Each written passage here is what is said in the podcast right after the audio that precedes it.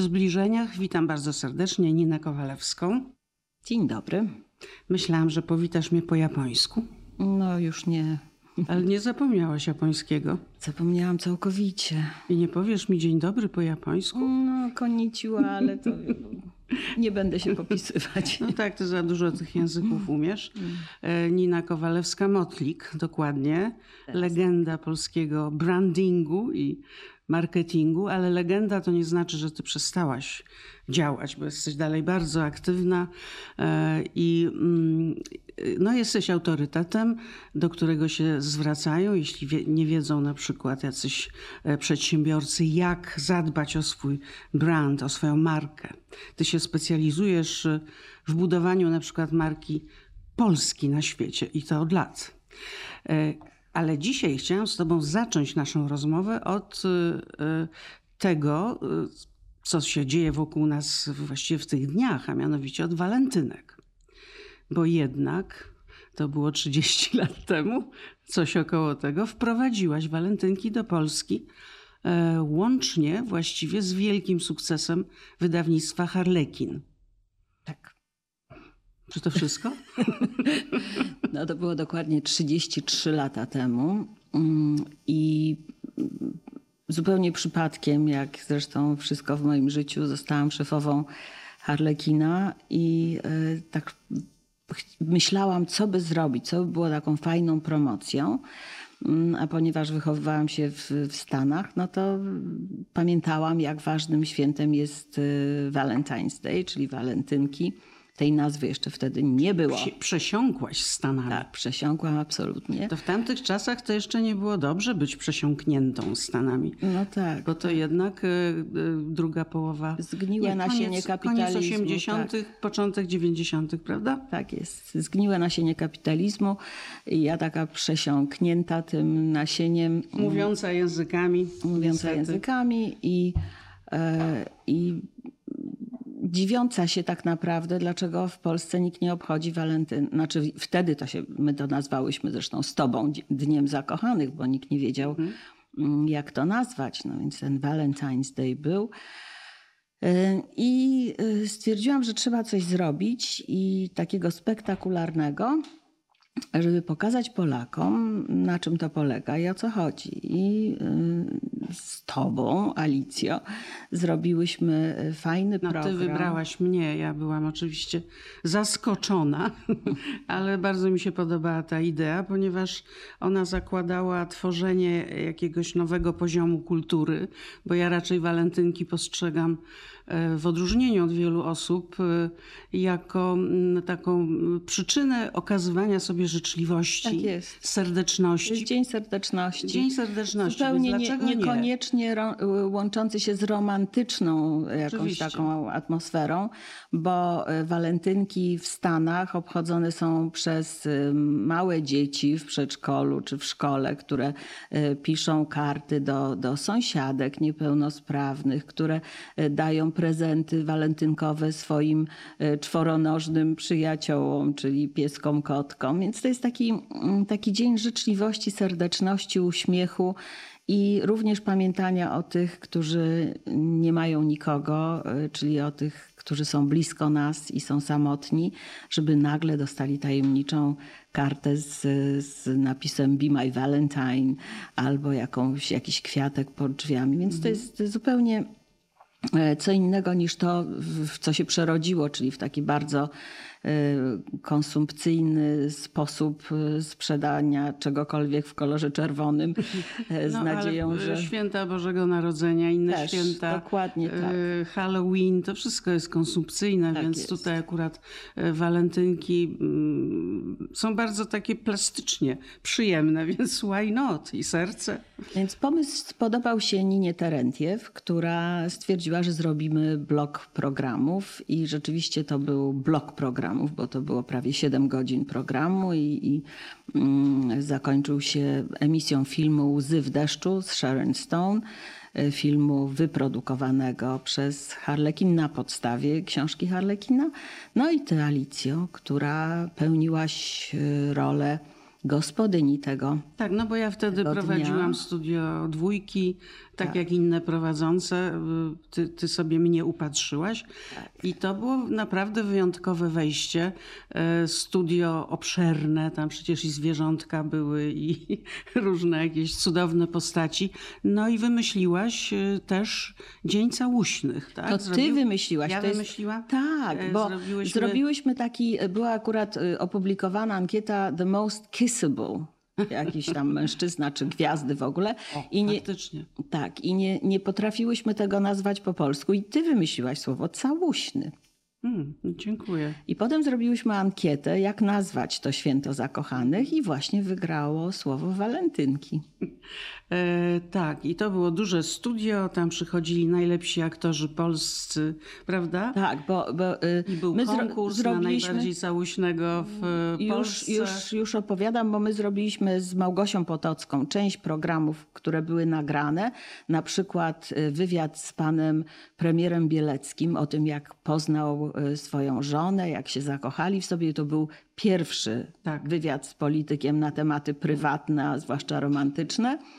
Ankieta na ulicy, Wielkie Serce na Pałacu Kultury, a w studiu y, Wojciech Pijanowski prowadził program Jak pary się znają, czyli były znane pary aktorskie, gdzie najpierw panie wychodziły, a panowie odpowiadali na y, pytania dotyczące właśnie ich jakichś wyborów i, mm, i, i preferencji i, i ulubionych y, czynności czy, czy rzeczy. I potem panie wracały i było właśnie konfrontowanie tego, także bardzo, bardzo... y, Tak, to cała Polska była objęta tą akcją tego dnia, Tak. a w studiu to wybieranie najcałuśniejszego.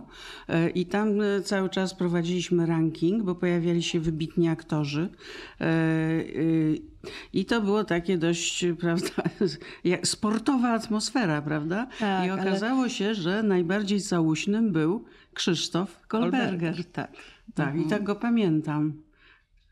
Piękny Krzysztof A ja z kolei wspominam te czasy, bo ja wtedy miałam 31 lat i to było absolutne szaleństwo. To było takie porwanie się mm, chyba tak naprawdę bez większej wyobraźni na coś, co, e, co no świetnie się udało, ale bez żadnego takiego naprawdę profesjonalnego przygotowania czy researchu. Po prostu to były takie fajne, pionierskie, szalone, szalone lata i zresztą tak samo było z Masz na myśli Harlekinem. to, że nie, miały, nie, mia, nie mieliśmy w studiu napisanego tekstu, tak? Bo W ogóle, ja raczej nie, nie czego- pamiętam tego jako szaleństwo. To, było, to był entuzjazm, ja nie mówię ale o- jednak robione to było przez bardzo profesjonalnych ludzi, realizatorów. Pamiętasz, jakie były wywiady z Kazimierzem Kucem na przykład? Bo ty mówisz o telewizji, a ja Tak. mówię w tej chwili o tym, że ja, 31-letnia tak naprawdę dziewczynka, nagle zostałam szefową wydawnictwa, y, które w ciągu czterech lat zrobiło wszystko zupełnie inaczej niż gdziekolwiek na świecie. Mhm. Y, I sprzedaliśmy 50 milionów egzemplarzy w 500 tytułach. Tak. To były zupełne.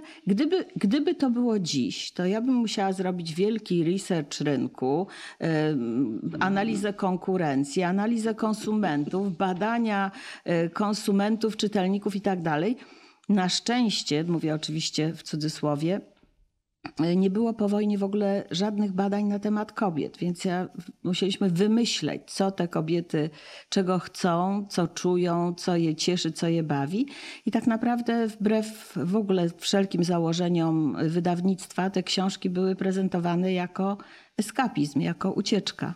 Tak, jako tak. wyrwij się do krainy marzeń z twojego szarego i I smutnego to się nie życia. podobało jednak, to się nie podobało e, no, Kościołowi, nie, nie był zachwycony tym całym trendem. E, bardziej konserwatywnym i takim mieszczańskim środowiskiem. Z, to, to jednak nie była taka, wiesz, gładka droga ku sukcesowi, chociaż no, sukces był przeogromny, chyba taki na skalę światową tego No tak, wydawnictwa. tak, no bo nawet na Harvardzie powstał case study na temat polskiego Harlekina, więc to było przezabawne, ale y, ja, ja ostatnio nawet z kimś wspominałam, że, że takie rzeczy były możliwe tylko przy y, wielkiej dozie energii, optymizmu i trochę braku wyobraźni, bo to nie miało prawa i, i, nie, miało, nie miało prawa się tak, tak udać, ale to były takie czasy, wszyscy byli zgłodniali jakichś nowinek. Pamiętasz, co wtedy się działo, kiedy dynastię telewizja no tak, tak, tak. pokazywała? Ulice były puste, kobiety nagrywały to na kasety VHS, potem robiły stop klatkę. za tą tak, lepszą, takim, cudowną takim Ameryką. kolorowym tak, życiem. Wszystkim e, tak dobrze Robiły było. stop klatkę, odrysowywały sobie te jakieś tam kostiumy, baskinki, które, e, których... Z tymi ramionami takimi Tak, potem krawcowe to szyły z jakichś materiałów. No, no takie, tak. takie były czasy. Czyli w pewnym sensie zaspokajałaś marzenia jakąś lukę. Tak, absolutnie. To była sprzedawanie marzeń. Marzeń, tak. tak. No tymi marzeniami to ty się zajmujesz chyba do dzisiaj, ale jeszcze a propos marzeń, to chciałam wykorzystać twoją wiedzę na temat mediów w ogóle, bo specjalizujesz się również w kreowaniu mediów, więc w kreowaniu postaci, marek. To wszystko się wiąże, to jest jeden świat. Mhm. I teraz y, w Polsce przechodzimy zmianę y, no, transfery y, z telewizji publicznej do innych telewizji i na odwrót, e, te wszystkie roszady, które się dzieją wokół tych nazwisk. E, właściwie kiedyś to by było niemożliwe, moim zdaniem. W, w pewnym sensie to, że tak dużo mówimy o tych postaciach, które występują i, i nagle stają się takie ważne, to jest fajne, mnie to cieszy. Mhm. Tylko do czego to e, doprowadzi, jak sądzisz? Jak ta marka polskiej telewizji e, będzie się rozwijała? Czy widzisz to w dobrym świetle, że to będzie mhm. coraz mocniejsza? No ja pracuję dla, dla wielkich telewizji, takich jak CNN czy, czy Euronews, Bloomberg, nawet Al Jazeera i no, e, ale The Economist, no to nie jest telewizja, to też tak, jest no, twoje, czy ponad, Financial ponad, Times. Ponad 500 e, mhm. w tej chwili mediów e, z całego świata. Media mm, muszą być mniej polityczne. To znaczy, ja, ja zawsze mówię o, o takim BBC, który jest oczywiście finansowany z budżetu państwa i, i, i, nie ma reklam w związku z tym w ogóle, bo to jest albo albo, trzeba się zdecydować i mm, ma wyraźną misję takiej apolityczności i to jest przestrzegane, wymagane i załamanie tego lecą głowy. Z kolei w Stanach oczywiście CNN jest bardziej po stronie demokratów, a Fox News po stronie republikańskiej, ale to są prywatne telewizje. I dlatego mi się wydaje, że telewizja publiczna w Polsce musi się odpolitycznić. Ona musi rzeczywiście mieć najlepszych ekspertów, najlepszych dziennikarzy, ale to nie, może być, to nie może być tak, że przy zmianie władzy nagle całkowicie zmienia się narracja. Ta narracja musi być bardzo obiektywna, o ile to jest w ogóle możliwe w dzisiejszych e, czasach. Nie, no, po, po tym poprzednim, że tak powiem, e, zarządzaniu telewizją, to chyba nie ma szans, żeby była jeszcze mniej obiektywna. No właśnie. Propagandy więc, nie tak. będzie, więc to I musi dobrze. być ekspercka. Musi być ekspercka, czyli jeżeli są jakieś rozmowy, dyskusje, no to muszą być osoby, które reprezentują różne poglądy, a nie tylko cztery osoby z jednej partii, które sobie przytakują. To jest bardzo trudna y, materia i bardzo trudne w ogóle wyzwanie, żeby nawet określić misję tej telewizji, prawda? Ale publiczna coś oznacza y, i jest niezwykle trudne w momencie, kiedy y, społeczeństwo polskie jest absolutnie na pół podzielone i, i teraz do kogo my mówimy. Więc wydaje mi się, że ten obiektywizm powinien polegać na tym, żeby e, dawać rzetelne informacje i również pole do dyskusji dla dwóch stron tak zwanego sporu. Ale właściwie telewizje komercyjne e, również takie stanowisko zajmują, prawda? Tak, tylko właśnie e, ja nie wiem, dlaczego telewizja publiczna ma zarówno finansowanie z reklam, i dotacje publiczne ogromne z, z, naszych podatków, bo Mm, jest to moim zdaniem nieuczciwe konkurowanie z telewizjami takimi jak no, te największe Polsat i, i TVN, które utrzymują się wyłącznie y, z, z reklam, z, z wpływów reklamowych. Mm, I tak długo jak są wpływy reklamowe, to telewizja jest zależna. Jest zależna od reklamodawców. Y, y, od razu dochodzą jakieś y, takie mikro y, sita cenzury, żeby nie krytykować kogoś, kto jest wielkim reklamodawcą, bo nagle zrobi nam się dziura i tak dalej. To nie jest zdrowe. Więc jeżeli coś jest tak naprawdę publiczne, to powinno mieć zupełnie inne finansowanie, czyli tak jak no, płacimy abonament plus, y, plus dotacje ze Skarbu Państwa wielkie. Ale e, my mamy jeszcze w pamięci taką e, tradycję telewizji polskiej. Ona była w pewnym sensie szlachetna. Tak jak ja ją pamiętam z dzieciństwa jeszcze jako widz, potem w niej uczestniczyłam, pracowałam, to była, było takie znamie szlachetności, bo i profesjonaliści, którzy tam pracowali, to Absolutnie tak. klasyka. E, Ci, Teatr, telewizji, tele- tak, tak, to wszystko. formaty jakieś takie. No tak, tylko wtedy pamiętaj, y, że nie, nie, nie było konkurencji. Nie było. Nie było konkurencji i to była jedyna telewizja. I oczywiście to, co robił e, Mariusz Walter i, i, i Bożena Walter i stworzenie Studia 2, i, no to, były, to były absolutnie rewolucyjne projekty, e, też trochę, trochę szalone, ale mm, trafiające na bardzo taki e, podatny grunt i, i, i taką wysuszoną glebę e, spragnioną dżdżu. I ja, no, no to były takie osobowości, które były w telewizji. E, Olga Lipińska, przecież kabarecik. I, i nawet e, pamiętasz te, te, te mm, kabarety plus szopki, no nie były one takie właśnie ludowo-przaśne, one były mega inteligentne i wtedy była jakaś taka e, moda w moim odczuciu na, na podnoszenie poziomu, na właśnie e, Tak, tu się zgadzam. Intelekt. Tu się zgadzam, żeby, y, że telewizja publiczna powinna jednak utrzymywać ten wyższy poziom intelektualny, y, ale oczywiście musi też dbać o, y, o widza i młodszego, No tak, inaczej tak. wykształconego, być bardzo demokratyczna. Nie wiem, czy masz jakąś wizję przyszłości mediów w Polsce. Y, Nie wiem, czy jesteś wizjonerką, tak jak niektórzy y, ostatnio bardzo często mm, mają wizję. Y, Wizję nie Ja- tylko ja- ja- na wizji, ale wizję mediów. nie, nie mam wizji. Masz jakąś wizję? Nie mam wizji mediów pu- publicznych, dlatego że nie zajmuję się polityką, a wiem, że wszystko w tej chwili w Polsce jest y, niezwykle upolitycznione y, i, i w ogóle nie zajmuję się mediami. Ja, y, ja zajmuję się promocją marek polskich i marki Polska w mediach, które są. Które są, które reprezentuję i które pomagają. Marką, najlepszą marką Polski? Bo kiedyś e, ty wymyśliłaś te akcje z Jabłka, jabłkami tak, i tak. z Ona jest wiecznie cydrem. żywa. Wiecz, wiecznie żywa, Wiecznie żywa. już jest. Czy Tak. Polska dorobiła się jakiejś takiej marki, którą może zadziwić świat? Y, Ja myślę, że wraz y, z tą falą migracji, emigracji do, do, do Anglii do Wielkiej Brytanii ileś tam lat temu, to y, bardzo polska żywność y, staje się popularna, czyli y, polska kuchnia, y, nasze kiszonki, nasze pierogi, kiełbasy i tak dalej. Natomiast y, nadal nie ma takiej marki, która by, a to polska, bo, bo. Wódka jest rosyjska, ja, bo marka to jest coś, co w- żyje w ogóle tylko w umyśle konsumenta.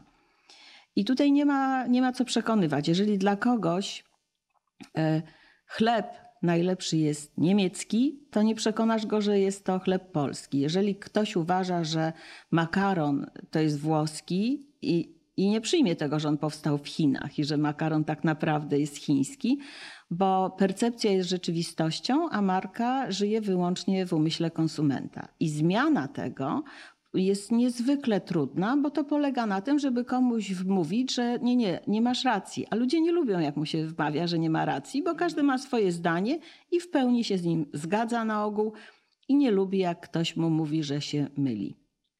E, Dlatego e, te wszystkie jakieś takie kategorie e, są już zajęte, produktowe. Stąd ja wymyśliłam, wiesz kiedy? To było 20 lat temu. Wymyśliłam ten projekt Polska Kraj Wspaniałych Jabłek. I on jest wiecznie żywy. Co chwilę ktoś gdzieś tam mm, się pojawia i mówi, że to No i fantastyczny cydr. pomysł. I cydr, cydr. I cydr, który już powstał, bo nie było Tak, wtedy tak, cydru. Więc dzięki, dzięki temu lobbowaniu w temacie jabłek powstał cydr. Mm, Ale to bardzo takie przyjazne e, hasło i, i przyjazna marka. Tak, Także to no, jabłko się kojarzy od, od raju po Nowy Jork, każdemu, każdemu z czymś. I, I to był projekt też taki szalony, rozbudowany, no ale nie było gospodarza. Jeżeli projekt nie ma gospodarza, bo ja go chciałam po prostu w prezencie, pracowałam nad nim dwa lata i w prezencie chciałam oddać w dobre ręce, tylko nie, nie było wiadomo, e, kto to no, miał ale ty robić. wymyśliłaś i, i prowadzisz Super Brands. To jest. e, Znaczy, no nie wymyśliłam, to, ja, to, jest, to jest licencja, to jest, to jest projekt, a ja który... myślałam, że wymyśliłaś, Aż bo ty wszystko wymyślasz. Nie, nie, nie. E, Super Brands to jest projekt, który powstał w 1995 roku w Wielkiej Brytanii, kiedy w czasie takiej sobotniej, weekendowej, porannej rozmowy w radiu BBC człowiek z agencji e, Saatchi Saatchi powiedział, że marki są ikonami popkultury i Madonna równa się Coca-Cola. I tak samo jak interesuje wszystkich wtedy, w 1995 roku, co słuchać, słychać u Madonny, to tak samo ciekawostki na temat marki Coca-Cola mogą być bardzo, bardzo ciekawe. I wtedy po tej audycji rozdzwoniły się telefony i w ten sposób powstał projekt Super Brands, który mm, od 95 roku, już w tej chwili jest chyba w 90 krajach na świecie i ja go od 20 lat realizuję w Polsce, a polega na wyłonieniu najsilniejszych marek na rynku polskim, zarówno polskich, jak i zagranicznych, y, które są obecne na naszym rynku. I jak, jak ten rynek się ukształtował? Czy jest jakaś grupa? Tak, bo oczywiście jest- być może nie możesz powiedzieć dokładnie, mogę, jakie mogę, marki. mogę powiedzieć wszystko, bo, bo to, co najbardziej cieszy, to jest to, że coraz więcej jest marek polskich. Mhm. E, A projekt e, jest, e, działa dwupoziomowo. Pierwszy poziom to jest duże badanie konsumenckie, które jest realizowane na jakiejś ogromnej próbie tam iluś tysięcy osób, które oceniają 2000 marek pod, pod kątem właśnie tej idei, definicji, czyli żeby oceniać markę, a nie produkt, bo marka produktowi nie jest równa. Nierówna. Mhm. Następnie jest grono 60 kilku jurorów w Radzie Marek, którzy weryfikują to, co konsumenci zgłosili, żeby na przykład powiedzieć, ale ta marka zrobiła coś fenomenalnego. Zwłaszcza to miało miejsce przy, y, y, kiedy wybuchła wojna w Ukrainie. I kiedy marki musiały wykazać się właśnie swoją wrażliwością i, i większość reklam było, no nie dotyczyło tego, że kup, kup, kup teraz samochód X, tak? Mm, Tylko dotyczyło pomocy, czyli takich działań odpowiedzialności społecznej marki, y, które no nie miały na celu sprzedaży, tylko właśnie pokazywały, kim marka, kim y, dana marka i czym jest. Bo Marki to jest, to jest osobowość produktu czy usługi. To jest wszystko, co nam się kojarzy. Ale Możesz jakiś przykład dać? No tak, dam E, przykład. E, Jeżeli, jeżeli można oczywiście, jeżeli myślimy Volvo, to myślimy bezpieczeństwo. Okej. Dlatego, że Volvo przez całe lata budowało w ten sposób swój wizerunek. I nieważne, że Toyota ma lepsze tak zwane crash tests że- i że lepiej w- wypada, jeśli chodzi o, o parametry bezpieczeństwa, bo w umyśle nas, konsumentów, Volvo równa się bezpieczeństwo. I, I trudno jest to zmienić, tak jak już mówiłam, bo my nie lubimy... Oczywiście. Tak, A nie w lubi- Polsce coś się równa coś? E, W Coś ma szansę się równać albo... No, w Polsce y, my robimy zarówno marki konsumenckie, badamy, jak i marki B2B. No to w markach B2B na przykład marka Komarch, która jest po prostu gigantem, światowym gigantem nagle w, właśnie w oprogramowaniu i to takim bardzo y, sektorowym.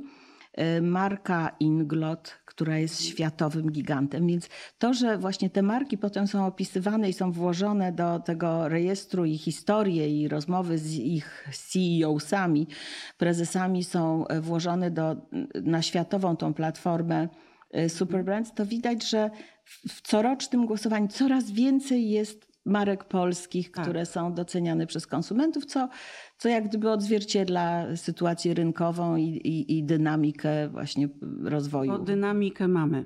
Tak, jak Dynamikę mamy tak. wspaniałą. No, ty też jesteś bardzo dynamiczna, bo pomimo dynamiki twojej kariery y, i wielkich sukcesów, ty jeszcze dodałaś y, swoje chyba marzenie, prawda? Bo Tak. y, stworzyłaś markę Sense Dubai y, i właściwie od pewnego czasu sprzedajesz marzenia y, dotyczące krainy zapachu.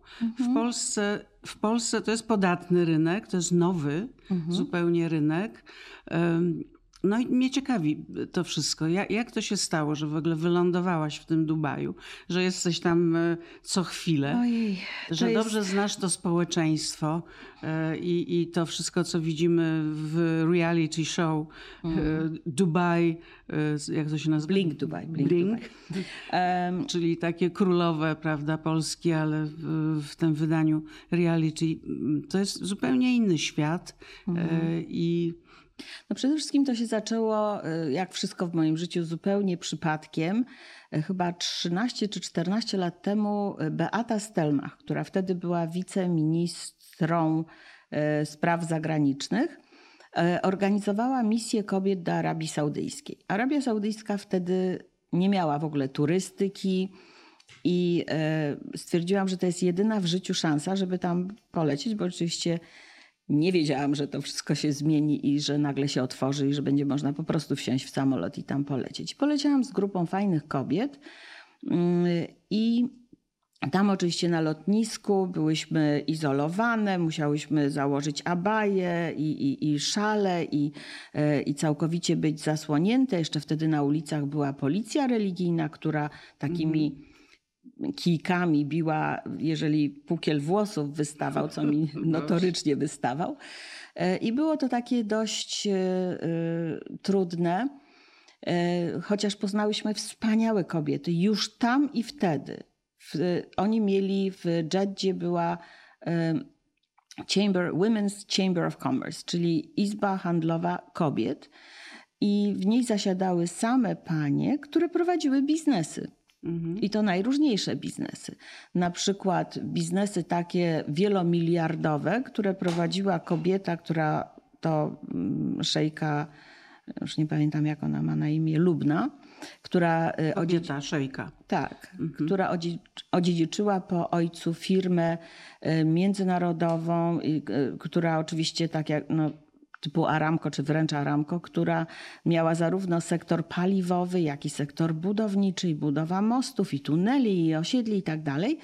I my się z nią spotkałyśmy i ona była u siebie w takiej mm, garsonce mm, beżowej czyli zupełnie nieosłonięta, i zaczęła wzywać swoich tych szefów działu, czyli tych swoich zas- zastępców. Którzy za to chodzili. Nie, bo to byli wyłącznie Amerykanie, Kanadyjczycy, Francuzi i Australijczycy, mężczyźni, którzy odpowiadali za różne działy. Mm, I e, spotkałyśmy się również e, z e, księżniczką Amirą, która była wtedy żoną najbogatszego Araba i dostała od niego, bo chciała właśnie, stworzyła, zresztą przepiękna dziew- dziewczyna, dziewczyna taka w wieku, wieku mojej córki. Ona wtedy miała 31 lat i, i mąż dał jej 3 miliardy dolarów e, na fundację, to, to taki kapitał założycielski i jej fundacja zajmowała się wyłącznie robieniem tak zwanego dawaniem seed capital kobietom w Afryce na zakładanie własnych biznesów.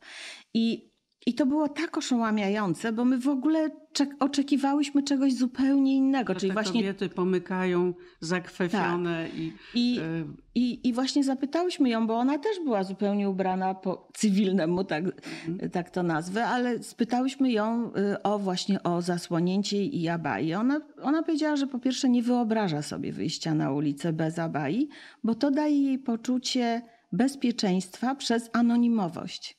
mhm. Jej nikt nie rozpoznaje.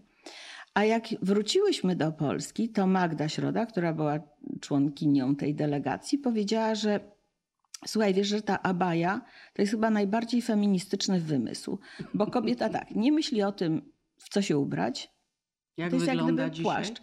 Czy ma bad hair day, jak wygląda, czy jest umalowana. Po prostu nie jest obiektem e, seksualnym na ulicy, żeby jacyś tam mężczyźni... To przez jakiś czas dały nam maseczki, prawda? W czasie prawda? pandemii, tak. które niektóre panie bardzo, bardzo dalej noszą i Ale byłyśmy zasłaniają też, się z nimi. Byłyśmy też na przyjęciu w pałacu takim arabskim, na przyjęciu oczywiście tylko kobiecym, bo tam jest całkowita segregacja y, y, płci gdzie y, do szatni te panie stały i oddawały swoje abaje do szatni, dostając numerek. Tak? Czyli one to traktują jak płaszcz, a pod spodem były wszystkie kreacje świata i zrobione wszystko, co tylko się da. Mówisz I krótkie włosy.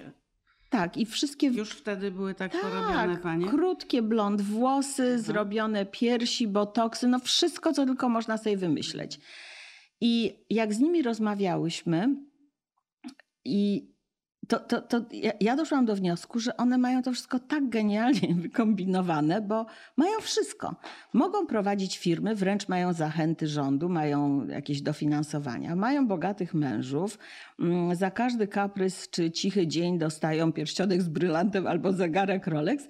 Także, Czyli one rządzą. Tak, ale oczywiście to jest ale tylko nie, nie zapominajmy, część. że są genialnie wykształcone tak. na świecie. Przecież mówią językami. No, Angielski to jest pierwszy albo drugi język? Pierwszy język, tak. Y, King Abdallah University to wtedy, te 13-14 lat temu, to był uniwersytet, na którym studiowało 30 tysięcy kobiet. Saudyjek. Mhm. Więc one są super wykształcone. Zresztą y, taki typowy model y, właśnie rodziny, która oczywiście ma pieniądze, ale na ogół to właśnie mm, są przyjezdni, którzy, którzy pracują na kromkę chleba, a, a, a lokalni mają Też te tam tacy są, prawda? W Oczywiście. No, ale mówimy o Dubaju, ja mówię teraz o Arabii Saudyjskiej, ale w mhm. każdym razie no, taki typowy no, ty, ty model saudyjski. w Dubaju, więc ja cię o ten Dubaj Dobrze, pytam. więc już teraz przerzucam się na Jest Dubaj. Tylko, Dubai girl. Tylko skończę, że w Arabii Saudyjskiej modelem w dobrej rodzinie jest to, że y, dziewczynka najpierw leci albo chłopczyk do Szwajcarii, do szkoły z internatem, potem kończy uniwersytet albo w Londynie, albo w Waszyngtonie i potem wraca. Dlatego ja uważam, że to, że te kobiety teraz w tej chwili mają naprawdę już praktycznie wszystkie prawa, które można sobie wyobrazić, mm, łącznie z prawem do prowadzenia samochodu, bo tego nie, nie, nie wolno im było, to ja to nazywam rewolucją córek, bo te dziewczyny, które wracały wykształcone z tych Stanów czy z Europy, mówiły tatusiu, no ale no dlaczego? No ja mam prawo jazdy, dlaczego ja tu? I właśnie te takie łagodne mhm. pytania dlaczego y, były chyba y, bardziej y, łagodne mówisz, czyli jednak ta łagodność, uległość w pewnym sensie. No ale na pewno to było bardziej skuteczne niż gdyby kobiety wyszły na ulicę, bo tam w dalszym ciągu był ten chop chop i chyba jest chop chop place, gdzie ścinało, ścinało się te cudzołożnice i inne kobiety. Ale wracając chop, do Dubaju. Tak. E... Jeszcze jedna rzecz, bo... Y akurat ten, y, ten reality show, tak, Dubai Blink, on jest bardzo popularny, y, ponieważ on pokazuje świat, którego my nie znamy, gdzie tak jak ja to widzę, no jest to karykaturalny świat. Nie chcę mi się wierzyć, że mhm. istnieje taka grupa ludzi, gdzie kobiety są całkowicie prawie identyczne, tak samo porobione wedle właściwie jakiegoś standardu, który obowiązuje takie same nosy, takie same policzki, takie same usta, podobnie przepysznie poubierane. Faceci też tak zrobieni jakoś, że w ogóle nie widzisz jakby istoty tego człowieka. Tak jest opancerzony tym swoim wizerunkiem, który jest niezbędny, żeby oni funkcjonowali. No tak, ale... To jest, coś ma wspólnego z, może... z, z reality, jaka jest. Może zacznijmy od tego, że w, w Zjednoczonych Emiratach Arabskich e, mieszka 10 milionów ludzi, z czego niecałe 600 tysięcy to są Emiratczycy mhm. a ponad 9 milionów to są ludzie przyjezdni. W Dubai Blink nie ma ani jednego Emiratczyka. To są wszystko ludzie, którzy przylecieli do Dubaju 7 lat temu i mieli 300 dolarów w kieszeni. Dlatego to są takie fajne historie dla oglądających, że pokazują ten Dubaj jako taki kraj spełniania marzeń. E, I oczywiście na, na każdy tysiąc osób, które przyjechały tam spełnić swoje marzenia, może dwie te marzenia spełniły na takim poziomie, jaki pokazuje ten, ten program, czyli mając własne samoloty i, i wielkie mhm. wille i tak Czyli dalej. tak jest. Jak jak w tym reality show? Y, no widać, widać duże bogactwo, ale widać znacznie więcej. To znaczy, ja bym powiedziała, że samochodów luksusowych na ulicach Warszawy jest tyle samo, jeżeli nie więcej, niż na ulicach Dubaju, bo jednak większość jeździ y, bardzo starymi samochodami do pracy fizycznej albo, albo metrem najczęściej, czy autobusem. E, i nie stać ich nawet na to, żeby mieszkać w Dubaju, tylko mieszkają w Szarży, w jakichś takich innych miejscowościach tańszych. E, więc y, trzeba pamiętać o, tym, o tej proporcji, że 9,5 miliona przyjezdnych i, i niecałe 600 tysięcy lokalnych.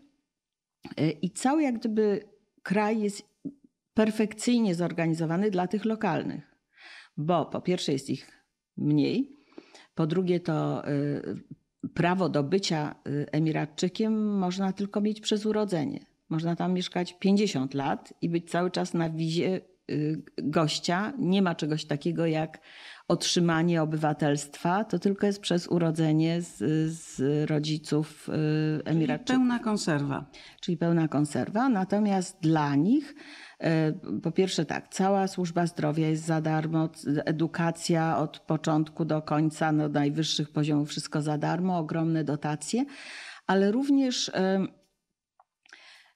jak gdyby misją tego, tego państwa, które ma de facto 50 lat, ono nie, niedawno zostało stworzone, jest to, żeby ci przyjezdni, którzy tworzą tę gospodarkę, bo to nie są tylko e, jacyś, e, nie wiem, z, Indii czy, czy z Bangladeszu e, bu, pracownicy budowlani, ale to również są inżynierowie, profesorowie, lekarze, którzy tworzą jak gdyby tę strukturę. Tak. To, co mi się tam bardzo podoba, to jest wizja państwa, to, że e, tak naprawdę na, na co byś nie spojrzała, to jest na to pomysł i projekt.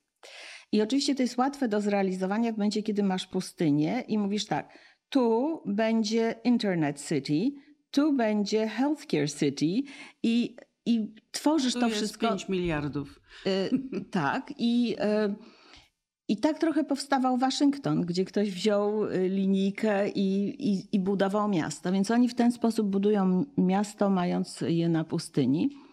E, ja jestem zachwycona jak gdyby tym, że e, mają e, pieniądze, ale to nie są pieniądze na, na złote klamki, wiesz, to są pieniądze wydane na to, żeby ściągnąć najlepszych profesorów z medycyny tam, żeby train the trainer, żeby wyszkolili lokalnych lekarzy albo przyjezdnych lekarzy i po trzyletnim kontrakcie mogą wrócić.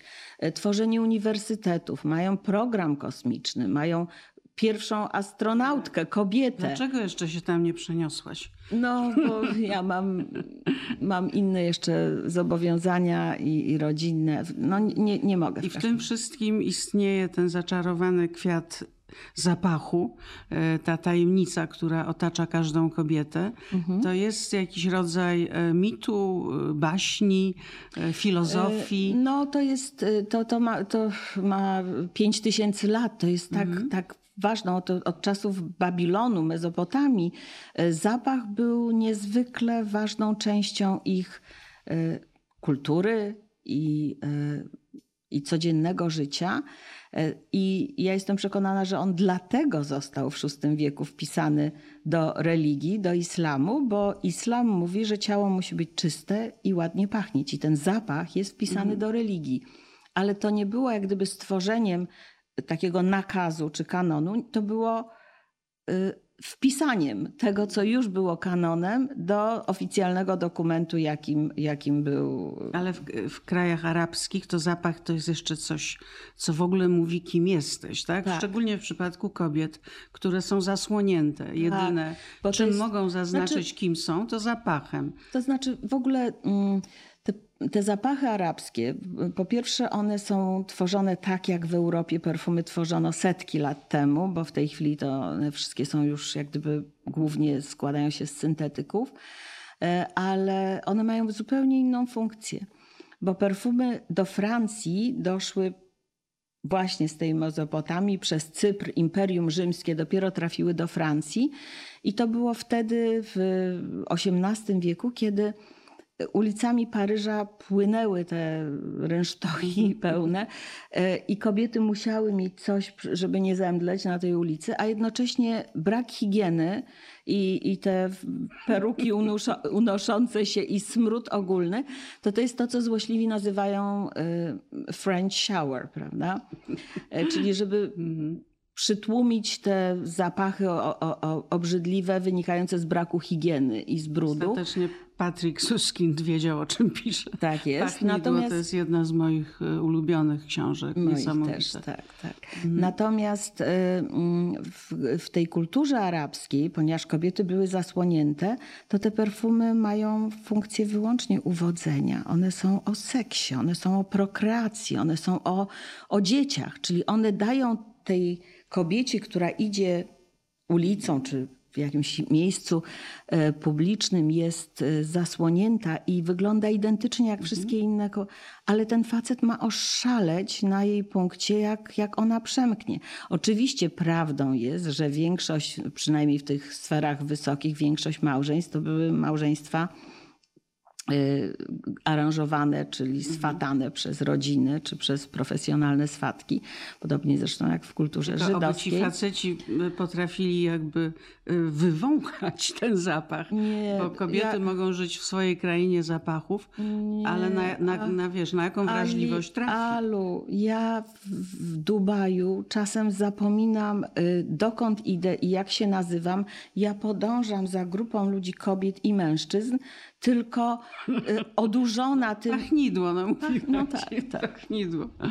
Mm. No także mm, masz rację, że ja robię dokładnie to samo, czyli sprzedaję marzenia, tylko Mhm.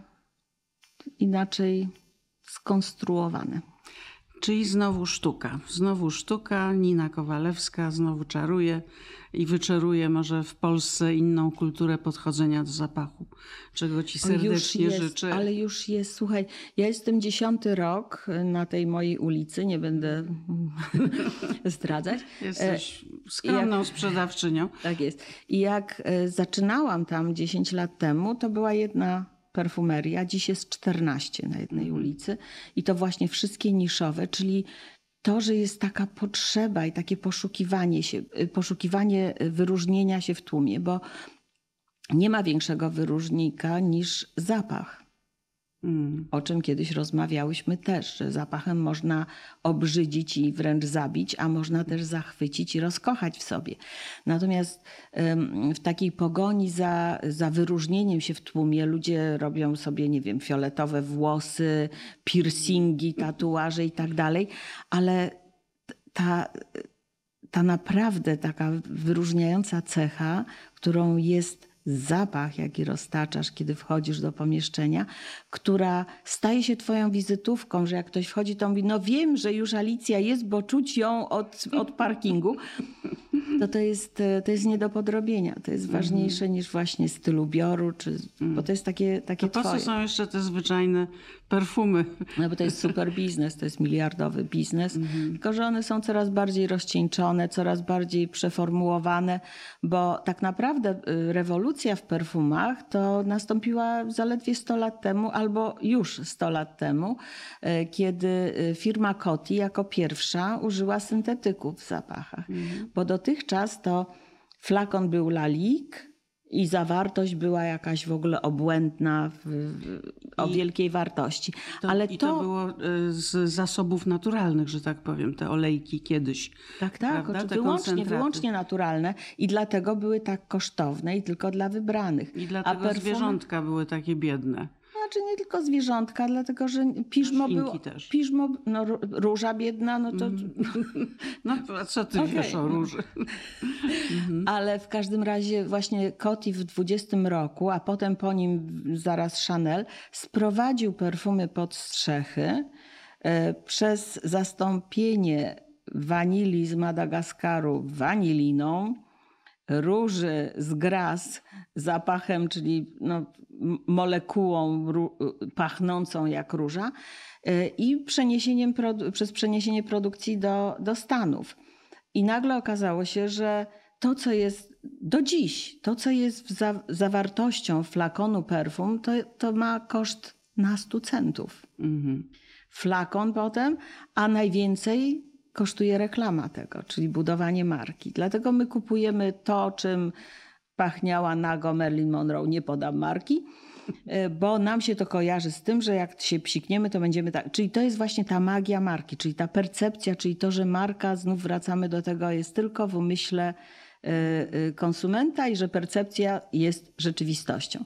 Natomiast to, co Arabowie mają w tych perfumach, to jest wyłącznie naturalne substancje, czyli płacisz za no name, za no flakon rzeczywiście, albo, albo za jakiś tam flakon, ale płacisz za to, co jest, co jest zawartością. I płacisz miliard. Nie, wcale nie. Płacisz dokładnie tyle samo, co w, w jednej z sieciowych, ja już jest, zobacz jaka jestem zdyscyplinowana, w, w jednej z sieciowych perfumerii za y, masowe perfumy, które po prostu mają miliardy wydawane na budowę marki, a nie na jakość produktu, która się bez przerwy zmienia i, i jest coraz bardziej syntetyczna. Sikamy się plastikiem. Mhm. No to życzę Ci jak najwięcej osób bez objawów hiperosmii. ja niestety jestem bardzo wrażliwa Naprawdę? na zapachy y, i to jest jakby zupełnie nowy obszar, y, w jaki akurat ta filozofia zapachów i przemysł zapachowy musi wejść, uszanować ludzi, Mhm. którzy bodźce zapachowe traktują bardzo poważnie, wręcz fizycznie. To jest cały świat nowy Mhm. wiem, ja zupełnie, wiem. który Ja mam, można ja mam też, ja, ja, ja mówię, że ja mam węch psa policyjnego, ale y, powiem ci tak, jeżeli jesteś w kuchni i wąchasz, przepraszam, kajzerkę, kawę z mlekiem, e, Stokroć pomidora i arbuza, to, to nie cierpisz z tego powodu. Dlatego jeżeli wąchasz perfumy naturalne, które twój mózg rozpoznaje, to nie cierpisz z tego powodu. Problem zaczyna się wtedy, kiedy twój mózg dostaje bardzo intensywny bodziec, a w ułamek sekundy ten zapach trafia do ciała migdałowatego, które odpowiada za wspomnienia i, i wrażenia i doznania, ale potem zaczynają się mdłości i ból głowy. Dlaczego? Dlatego, że mózg już dalej nie rozpoznaje, czy to jest emalia wtalowa, czy lakier do podłogi, czy perfumy. On wie, że ma jakąś chemiczną mieszankę do przepracowania. Dlatego ja jestem przekonana, że mm, naturalne perfumy mózg rozpoznaje. Mówi, o, melon, róża, wanilia, tak? I nie ma z tym... Nie, nie mdleje. Nie, nie, nie, mdleje. oczywiście żartuję. Żartuję z, właśnie z pozycji osoby, która jest bardzo wybredna co do zapachów, ale nie dlatego, że jestem snopką, tylko dlatego, że mam takie uwarunkowania Ale to powiem ci, że to jest, organiczne. to jest tak zwany mój chleb powszedni. Ja mam codziennie taką osobę, które wychodzą po prostu oczarowane. Także zapraszam, gdzie nie było reklamy, ale Mhm. No dobrze, Nino, to czaruj dalej i mam nadzieję, że za jakiś czas się spotkamy i omówimy tę sytuację jeszcze raz. Czy Polska będzie piękniej pachnieć? Czego sobie życzymy, prawda? tak, jak najbardziej. Dziękuję. Dziękuję bardzo, Alusiu. Dziękuję.